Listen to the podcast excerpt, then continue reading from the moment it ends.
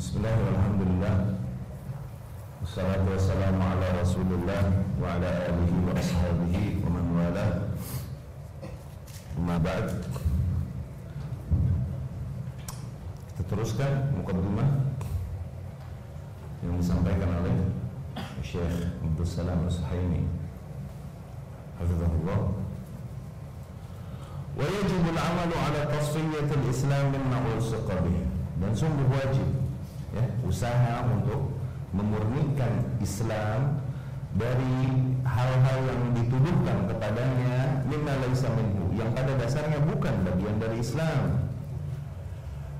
Wa tarbiyatul nash'il muslim 'ala al-islam al-haqq al-mustaqa min an-nab' safi dan wajib untuk mendidik generasi muslim ya di atas Islam yang hak yang diambil dari sumbernya yang murni yaitu kitabullah dan sunnah rasulnya sallallahu alaihi wasallam sesuai dengan pemahaman salaful ummah والذود عن هذا الدين وإظهاره بالمظهر اللائق به dan membela menjaga kemurnian agama ini ajaran ini dan menampakkannya dengan penampakan yang memang sesuai dengan hakikatnya ولقد من الله على أمة نبيه محمد صلى الله عليه وسلم بإكمال دينها sungguh Allah telah memberikan kenikmatan kepada umat Nabi Muhammad sallallahu alaihi wasallam dengan kesempurnaan agamanya yakni ketegasan bahwa agama ini sempurna tidak diberikan kepada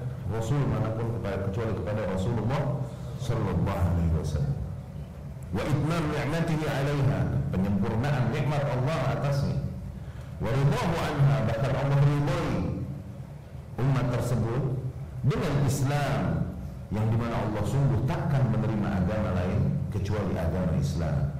Allah berfirman al-yawma akmaltu lakum dinakum wa atmamtu alaikum ni'mati wa raditu lakumul islam dina. Pada hari ini telah kusempurnakan bagi kalian agama kalian dan telah kusempurnakan atas kalian nikmatku dan telah kuridhoi bagi kalian Islam sebagai agama.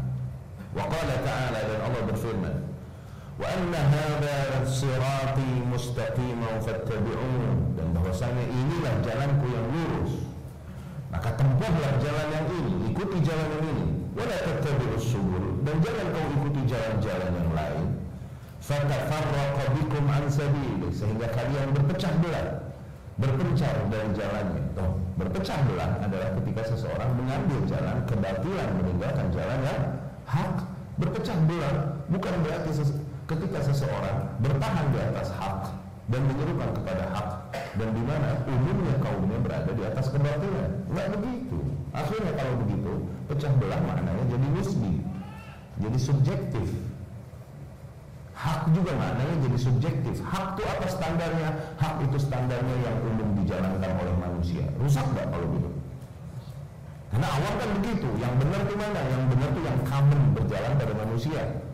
Yang ngaco, yang sesuatu apa? Yang beda sendiri. Oh, standar kebenaran kan untuk awam begitu dan itu standar yang keliru. Standar kebenaran adalah apa-apa yang sesuai dengan kaidah kebenaran, kalaupun dia berbeda dengan umumnya manusia. Itu standar kebenaran sesungguhnya. Ya. Yaqul Yaqul Ibn Al-Qayyim rahimahullah, Ibn Al-Qayyim rahimahullah berkata, "Wa hadha li'anna tariqal muwassil ila Allah wahid." Ini semua dikarenakan jalan yang memang membawakan manusia kepada Allah, menyampaikan manusia kepada Allah itu cuma satu. Wa huwa ma ba'atha bihi yaitu jalan yang Allah Subhanahu wa taala utus para rasulnya dengan jalan itu. Cara itu, metode itu, konsep itu, cuma satu itu doang udah. Wa anzala bihi kutubah yang dengan itu Allah turunkan kitab-kitabnya. Wa la yasilu ilaihi ahadun illa min hadha tariq. Tak ada seorang pun yang dapat sampai kepada Allah kecuali dari jalan itu. Walau akan nasu min kulli tariq. Andai saja seseorang mencoba semua jalan dan mencoba mengetuk semua pintu yang ada faturuku alaihim masduda. Maka tetap jalan-jalan tersebut buntu bagi mereka. Wal abwabu alaihim mughlaqah dan pintu-pintu tersebut tertutup bagi mereka. Illa min hadzal kecuali dari jalan yang ini. Al-wahid satu-satunya. Fa innahu muttasilun billahi muwassilun ilaihi sesungguhnya jalan tersebutlah yang tersambung kepada Allah yang membawakan manusia kepada Allah ya di situ Allah Subhanahu wa taala berfirman yang jalan yang dibawakan Rasulullah sallallahu alaihi wasallam dan disampaikan oleh para sahabat radhiyallahu anhum. Di situ Allah Subhanahu wa taala berfirman, "Qul in kuntum tuhibbuna Allah fattabi'uni yuhibbukum Allah wa yaghfir lakum dhunubakum." Katakanlah apabila memang kalian ingin sampai kepada Allah. Yang memang mencintai Allah menginginkan ridhonya, syurganya, ampunannya, rahmatnya. Kalian memang benar menginginkan itu? Cuma satu caranya ikuti aku fattabi'uni maknanya tanpa mengikutiku sebesar apa pun usahamu dalam mendekatkan diri kepada Allah maka kau tak akan dapat meraih ridhonya. Sebesar apa pun effort pengorbanan yang kau lakukan berapa ribu rakaat berapa miliar yang kau sodakohkan tapi tanpa mengikuti konsepku? Maka Allah akan membalas cinta kalian. Ikuti aku, itu satu-satunya jalan. Fattabi'uni, the only way. Yuhibbukumullah hanya dengan mengikutiku baru Allah akan membalas cinta kalian. Yang tanpa mengikutiku, cinta kalian bertepuk sebelah tangan. Ya sama. Yuhibbukumullah dan bonus, bonus mengikuti Rasul Shallallahu Alaihi Wasallam manusia. Apakah maknanya dia nggak punya syahwat, nggak bikin dosa? Yang mengikuti sunnah Rasul Shallallahu Alaihi Wasallam. Apakah maknanya syahwat nggak punya syahwat nggak bikin dosa? Teknis, bikin dosa dong. Tapi karena mengikuti sunnah Rasul Shallallahu Alaihi Wasallam, bonus. Yaghfir lakum dzunubakum. Ter bonusnya. Saya Allah ampuni bagi kalian dosa-dosa kalian. Allah, ajib. Hah? Jangan udah ini terus mabok. Yang penting jaga sunnah. Kita nokit deh. Kagak-kagak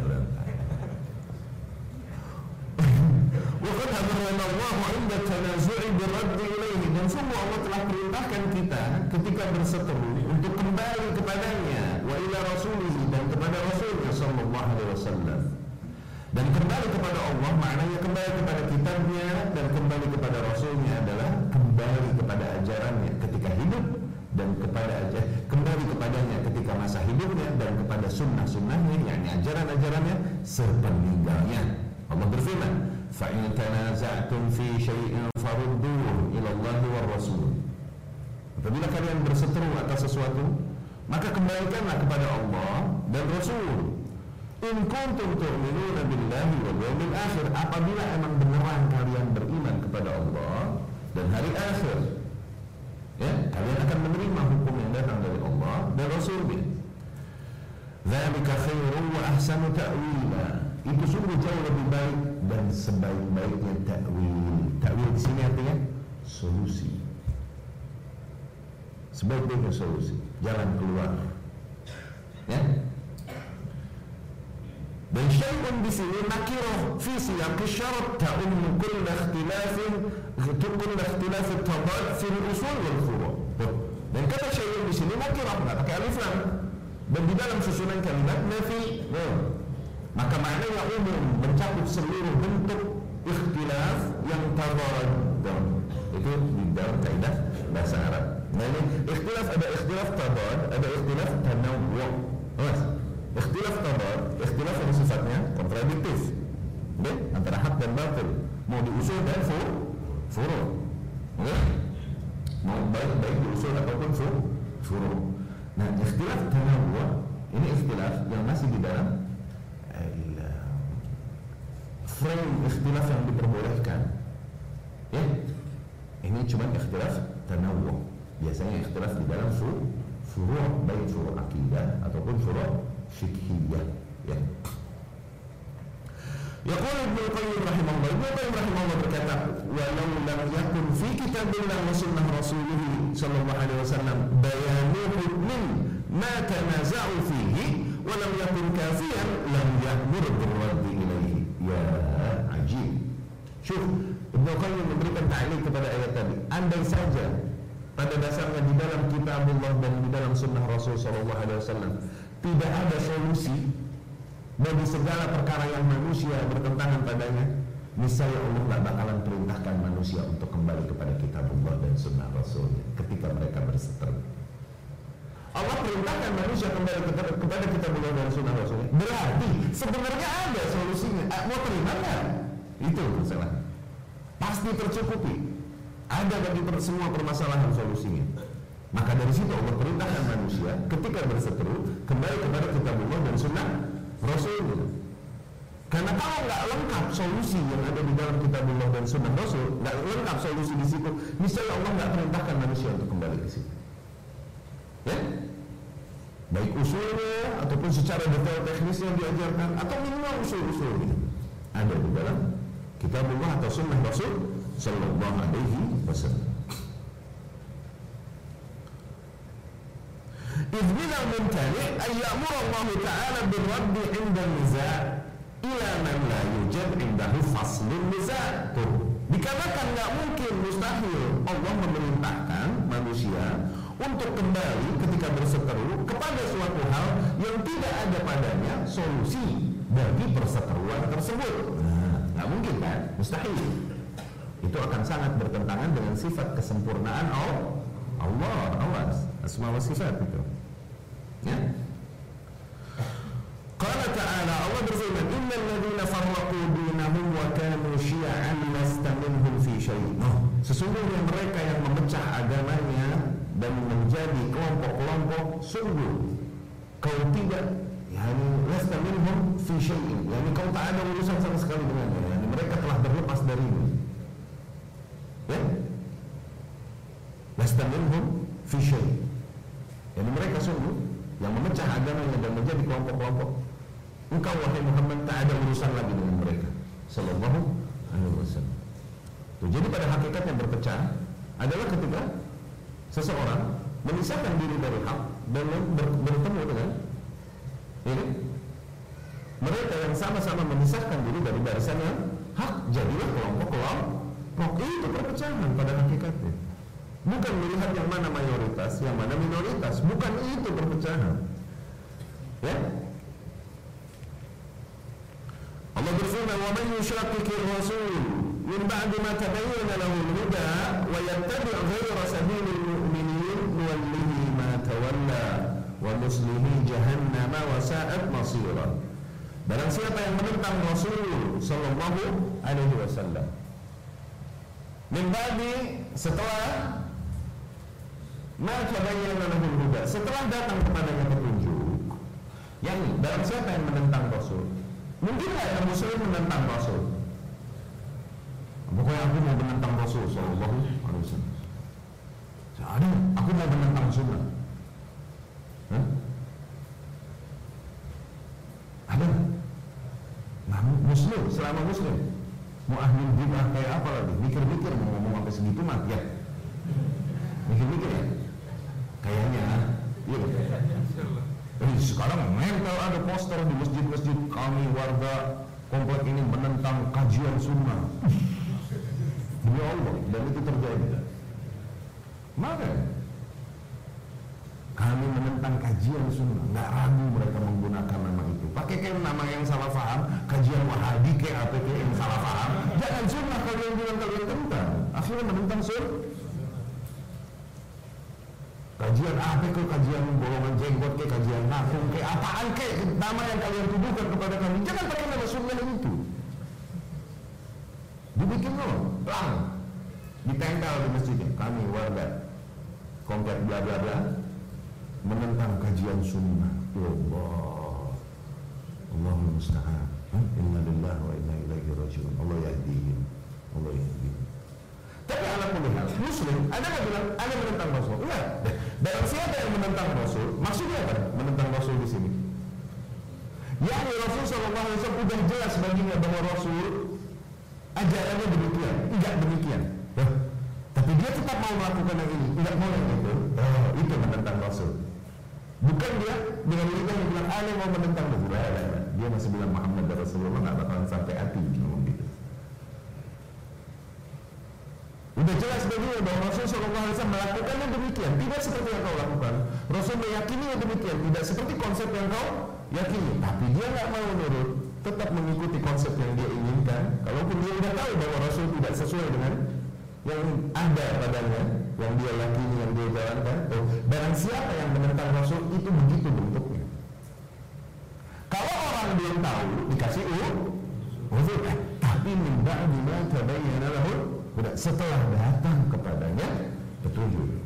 Setelah itu ya tabi khairu sabilil mu'minin, udah gitu dia mengikuti konsep lain selain konsepnya orang-orang yang beriman, metode beragama yang lain selain metode beragamanya orang-orang yang beriman. Orang-orang yang beriman, ketika ayat ini turun siapa yang beriman? Siapa? Ada ada, ada pilihan lain nggak? Siapa yang beriman ketika ayat ini turun? Ada pilihan lain nggak? Ya ada lagi yang beriman kecuali para sahabat.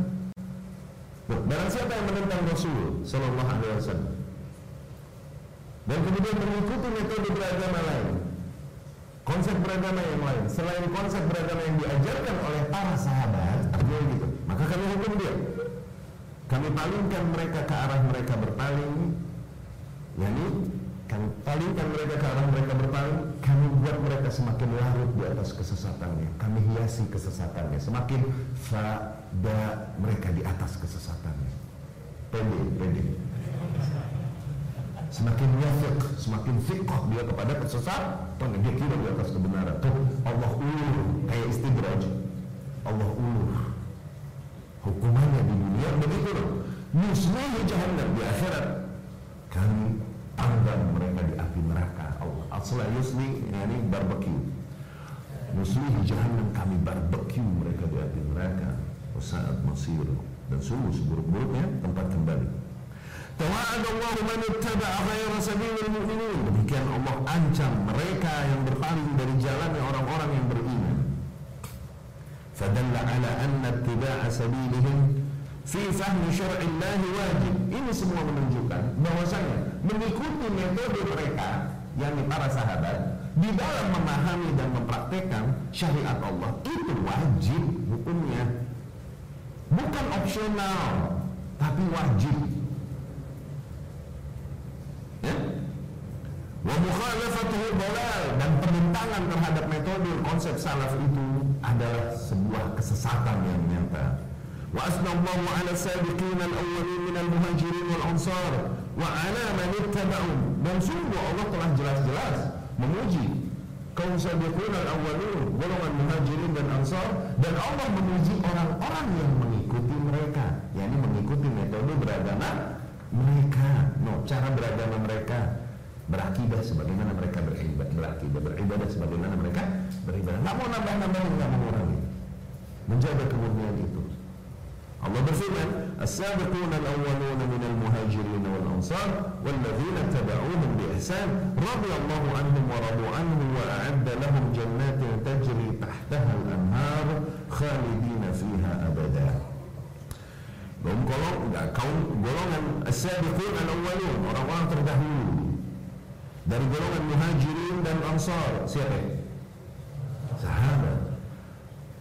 apakah rahmat Allah cinta Allah pujian Allah hanya terbatas pada generasi itu doang? Enggak tapi kepada juga mereka yang mengikuti kaum muhajirin dan ansar dengan baik yakni mengikuti metode beragama mereka dengan baik. Itulah orang-orang yang Allah ridho kepada mereka dan hakikatnya mereka pun ridho memang kepada Allah. Maknanya mereka yang berpaling dari jalan muhajirin dan ansar Allah tak meridhai mereka dan hakikatnya mereka pun masih belum meridhai Allah dengan sempurna. Eh? Dan sungguh telah Allah persiapkan bagi mereka surga yang mengalir di bawahnya sungai-sungai. Kelak mereka abadi di dalamnya. Wabayana Rasul Sallallahu Alaihi Wasallam dan Rasul telah menjelaskan bahwasanya sebaik-baiknya manusia adalah generasinya, kemudian generasi yang datang setelah mereka. Nabi Shallallahu Alaihi Wasallam berkata, "Khairun nasi qarni, thumma alladhina yalunahum, thumma alladhina yalunahum." Sebaik-baiknya manusia adalah generasiku, kemudian mereka yang datang setelahnya, kemudian mereka yang datang setelahnya. Di situ Nabi Shallallahu Alaihi Wasallam memerintahkan untuk mengikuti sunnahnya dan sunnah para khulafaur rasyidin dan memperingatkan manusia dari menentang konsep tersebut. Ya, sunnah di sini artinya tadi apa? Al-hadyu al-am, nah, pedoman umum. Ya. GBHM. Tuh. Ghabahanun. Apa namanya? Pedoman umum metode konsep yang mendasar. Ya. Rasul telah memerintahkan manusia untuk mengikuti itu dan memperingatkan manusia jangan sampai menentang itu. Tuh. Alaikum bisunnati wa sunnah al-khulafa ar-rasyidin al-mahdiyyin yang senantiasa mendapatkan petunjuk min ba'di sepeninggalku. Tamassaku biha, pegang teguhlah metode itu. Wa abdu 'alaiha bin nawajid, gigit dengan gigi geraham. Yani ini gambaran gigi dengan gigi geraham yang ini gambaran untuk berpegang sangat kencang-kencang Wa iyyakum wa muhdatsatil umur. Dan jauhilah oleh kalian perkara-perkara yang baru. Fa inna kulla muhdatsatin bid'ah. Dikarenakan setiap perkara yang baru adalah bid'ah dan setiap bid'ah adalah sesat. Setiap bid'ah adalah kesesatan dan setiap kesesatan berada di neraka. Ya. Di sini Rasulullah Shallallahu Alaihi Wasallam jelas ya, menjelaskan bahwasanya seseorang terpecah, terjauhkan dari hak dari sunnah Rasul adalah ketika mereka mengikuti perkara-perkara yang baru yang tidak ada pada Rasul, tidak juga pada pada para sahabat. Dari hadis itu sangat jelas. Setelah perintah untuk berpegang teguh kepada sunnah Rasul dan para khulafaur rasyidin, kemudian perintah untuk menjauhi perkara-perkara yang baru. Maknanya apa? Yang sangat kontradiksi dengan berpegang teguh kepada sunnah Rasul dan para khulafaur rasyidin adalah ketika seseorang mengikuti perkara-perkara yang baru demikian. Bid'ah. Baik di dalam akidah, bid'ah di dalam ibadah.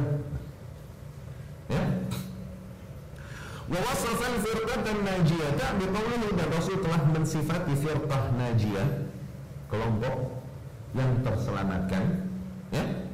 Dengan sabdanya ma ana alaihi yauma wa ashabi mereka yang berada di atas jalan yang sama dengan aku dan para sahabatku pada masa ini mereka yang berada di atas jalan yang sama dengan jalan yang di mana aku dan para sahabatku berada di atas jalan itu. Itu tadi.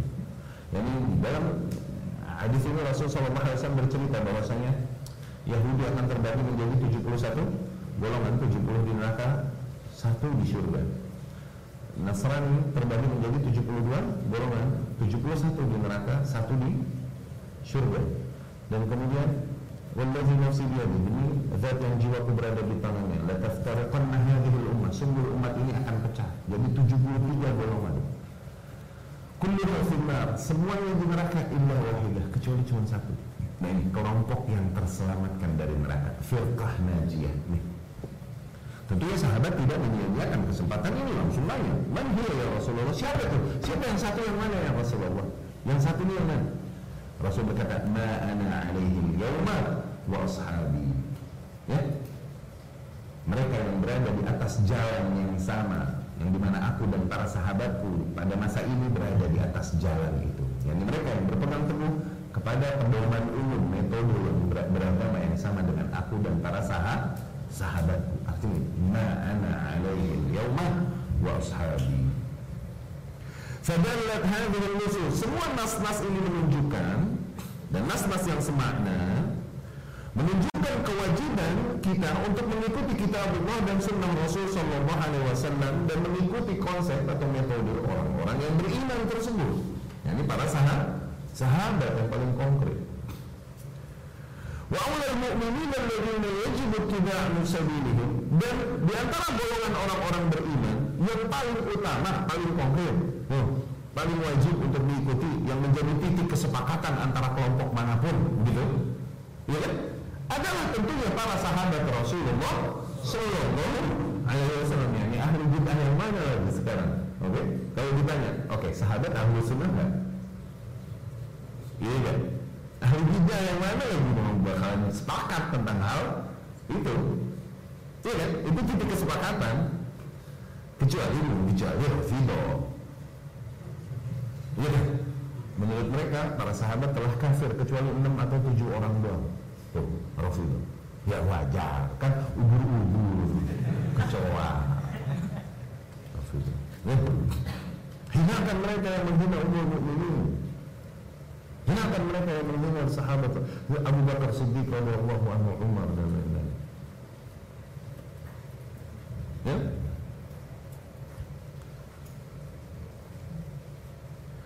Tentunya di antara golongan kaum ini yang paling utama, paling konkret untuk diikuti adalah para sahabat Rasul Shallallahu Alaihi Wasallam sebagaimana telah disebutkan sebelumnya.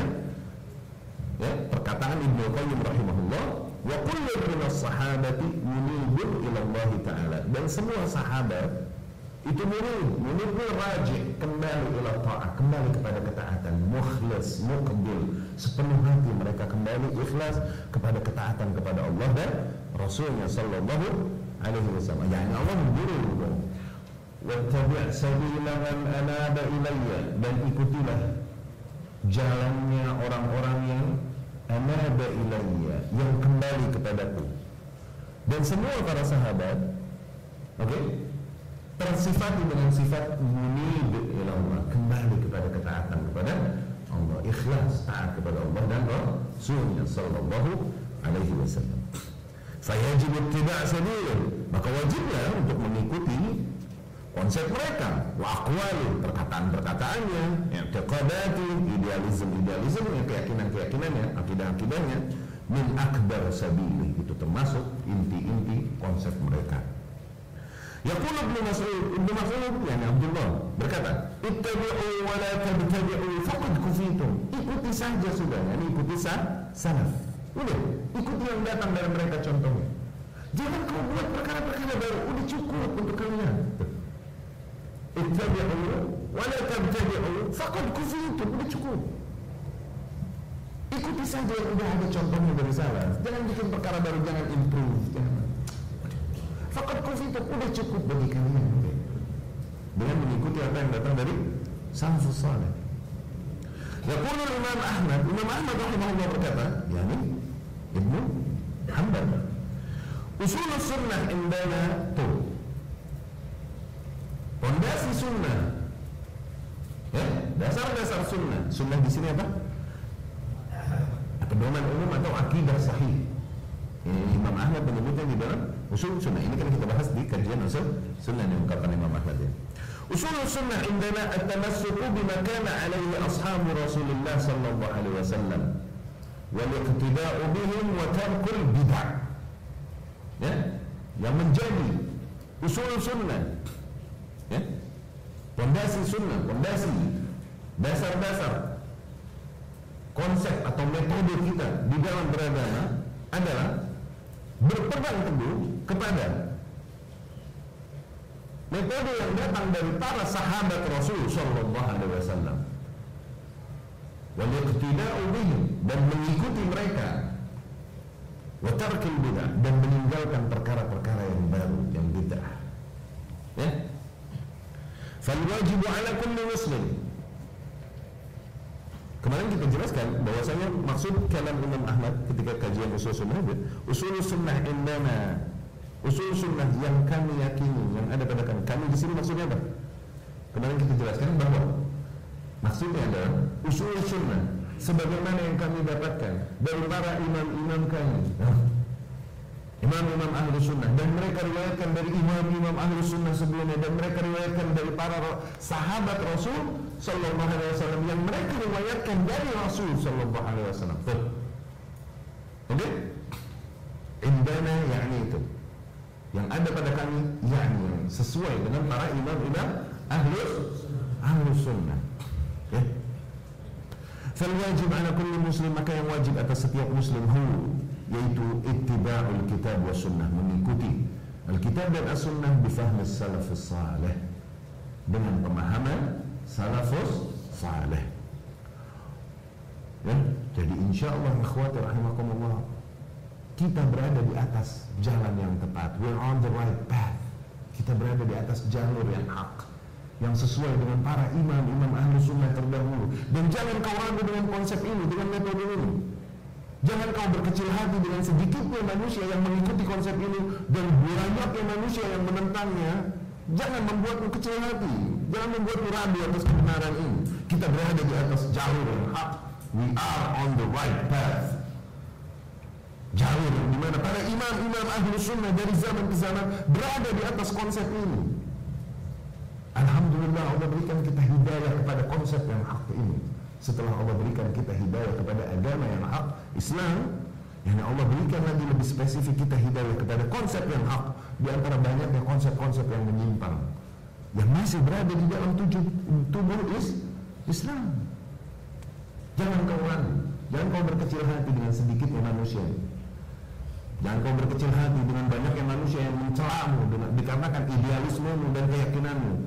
Dengan banyaknya haters yang mencelakmu. Jangan jangan baca, jangan bete. Fa'da aja, pede aja.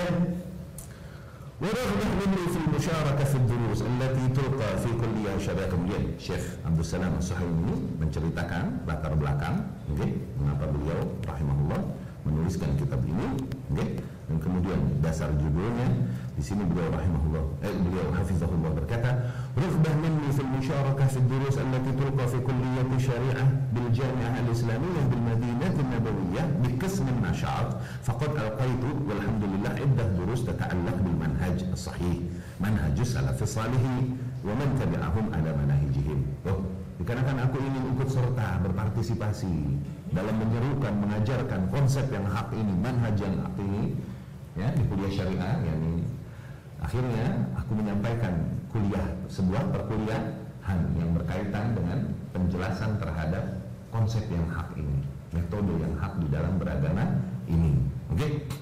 dan kemudian beberapa ikhwah mendorongku untuk mencetak okay? kuliah perkuliahan tersebut yang berkaitan dengan manhaj ini yang selama ini aku sampaikan bahwa bukukan dan cetak didorong oleh dia okay? Dan akhirnya aku mengulangnya, menelitinya kembali dan aku tambahkan beberapa tambahan-tambahan yang sesuai dengan tema yang sedang dibahas dan kemudian sepertinya cocok kalau aku namakan tulisan ini kun salafiyan alal jaddah. Ini diambil Oke, okay, beliau rahimah, beliau Allah berkata bahwasanya ini judul ini diambil dari ungkapan Syekh Bakar Abu Zaid rahimahullah di dalam kitabnya Hilyah Talibul Kun Salafiyan Alal Jaddah. Okay? Diambil dari quote dari dari apa kat, uh, ungkapan dia ungkapan Syekh Bakar Abu Zaid rahimahullah di dalam Hilya Talibul ya. Jadilah salafi al-jadah yang straight. Jadah yakni straight lurus. Ya. Iya kalau diterjemahkan jadilah salafi sejati. Jadilah salafi sesungguhnya. Begitulah kira-kira mana Salafi yang berada di atas jalannya lurus. Al-jadah yang sahih, yang benar, yang lurus. Ya. Waqad tadammanat al-umur al-adiyah dan risalah ini mengandung beberapa pembahasan berikut yaitu makna sunnah maksudnya apa dan kemudian istilah-istilah syar'i bagi ahlu sunnah nama-nama syar'i bagi ahlu sunnah wal jamaah itu apa aja kemudian maksud salaf maksud dengan terminologi salaf ini apa sih gitu dan kemudian kewajiban menampakkan mazhab salaf kemudian bolehnya seseorang menisbahkan diri kepada salaf dan melakon melakoni dirinya salafiyah okay?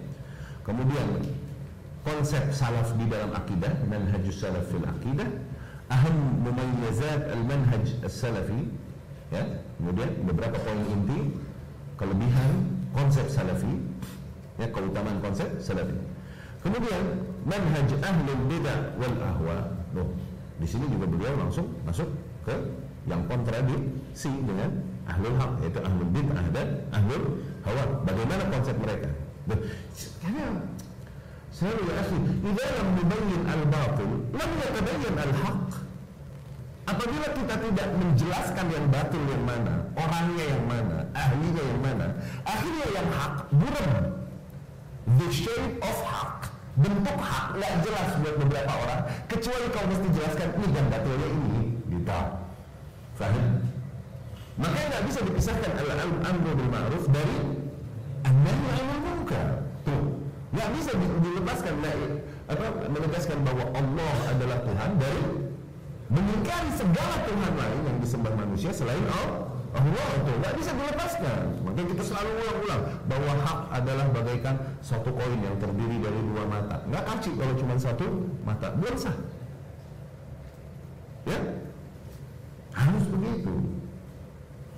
Dan di situ pertarungan manusia, diuji kesabaran manusia di situ. Rasul Shallallahu Alaihi Wasallam dulu belum dimusuhi ketika berkata dan ketika dia menampakkan bahwa dia tidak menyembah Tuhan-Tuhan yang disembah oleh kaum belum dimusuhi, cuma paling jadi bahan omongan, gitu doang. Tapi ketika dia mulai memerintahkan, menyuruh manusia untuk meninggalkan Tuhan-Tuhan yang mereka sembah dan mengingkari bahwa saya itu Tuhan-Tuhan eh, they got nothing. Mereka ini nggak punya kemampuan apa pun. La yu'minu wa la yu'minu nggak bisa ngapa-ngapain nggak bisa nimpain manfaat nggak bisa bawain maborot. Apa ini? Baru mulai tekanan siksaan dan itulah perjuangan ya jadi nggak bisa kita bilang ente dakwahkan aja yang ente yakini nggak usah nyalah nyalahin orang. Ya gimana dong? Nanggung anak. Nggak begitu. Akhirnya orang nggak mau dengerin ente ini coba. Dakwahnya nyari pengikut sih. Mana dakwah. Hah? mana prioritas dakwah? Menyampaikan yang hak atau memperbanyak masa yang mengikuti kita berharap agar manusia percaya dan ikut kebenaran yang kita sampaikan berharap kan? berharap tapi tidak demi itu akhirnya kita hilang dari kemungkaran nggak boleh iya kan? Tuh, setelah menjelaskan konsep ahlu sunnah, konsep salafi, baru dia masuk kepada nah, konsepnya ahli bid'ah dan hawa gimana? Oh, Tariqul khalas, jalan keselamatan, yaitu dengan al-ittiba wa tarkul ibtida. Dengan apa? Dengan mengikuti, tentunya mengikuti contoh yang datang dan meninggalkan improvisasi, meninggalkan perkara-perkara baru yang bid'ah. Ahammu alamat ahli ziyar. Hmm, ciri-ciri utama kelompok yang menyimpang. Ba'dul qawaid fil manhaj as-salafi. Beberapa kaidah yang terdapat di dalam konsep salafi. Beberapa kaidah disebutkan oleh beliau, hafizahullah. Kemudian yang ke-12, mauqif salaf min al-mubtadi'ah, sikap salaf terhadap para ahli bid'ah al-hazaru wa tahzir, memberikan peringatan. Hmm? Memberikan peringatan. Ar-raddu 'ala al-mukhalif, membantah mereka yang menentang. Al-abwab allati yajuzu fiha al-ghibah wal jarh inda ulama Islam. Pintu-pintu yang diperbolehkan padanya gibah ngomongin orang dan jarah ya, mencela. Ini kasus-kasus demikian yang ditolerir oleh syariat dan dibenarkan oleh Islam bahkan sampai titik wajib bisa jadi. Ya. Jawaz ghibah al-mubtadi syarat-syarat bolehnya menggibahi ahli bid'ah. Uqubah man wala al-mubtadi'ah. Hukuman bagi mereka yang loyal kepada ahli bid'ah. Awas, ahli bid'ah bukan seseorang yang melakukan di ah bukan, awas, awas, awas. awas. Akhirnya yang kegalapan tetangga ente. Jangan, oke? Dan terakhirnya jenazah ente nih, ente meninggal, ini jenazah jalan sendiri ke kuburan. Awas, awas. Ahli bid'ah itu bukan ahli bid'ah ini siapa? pentolan yang bisa membawakan dalil meyakinkan manusia bahwa kebatilan yang ada pada mereka adalah ada pun manusia umum awam yang mungkin baca Qurannya aja tajwidnya nggak benar boro-boro baca kitab dan lain-lain. Tapi mengikuti apa yang berjalan terus kasih uzur. Jangan habis kasih uzur. Terus ya? Mereka nggak tahu. Ya? Kalaupun sampai mereka menyerangmu dan menyakitimu kasih uzur terus. Sebagaimana Rasul Shallallahu Alaihi Wasallam ketika disakiti dan di sana Rasul berkata, Ya Rabbi ampuni mereka sesungguhnya mereka tak mengetahui. Semua mereka tak mengetahui. Ya. As'alullah ta'ala iya al ikhlas Aku memohon kepada Allah Semoga Allah berikan kepada kami keikhlasan Di dalam segala perkataan Dan tindakan yang kami lakukan Dan semoga Allah subhanahu wa ta'ala Memberikan taufik kepada kami Dan kepada kaum muslimin kepada ilmu yang bermanfaat dan amal yang saleh dan agar memberikan manfaat dari apa yang telah kutulis. Wa sallallahu wasallam ala abdihi wa rasulih nabiyina Muhammad sallallahu alaihi wasallam. Itu mukaddimahnya yang disampaikan oleh Syekh Abdul Salam As-Suhaimi hafizahullah. Baik mencukupkan dulu sekian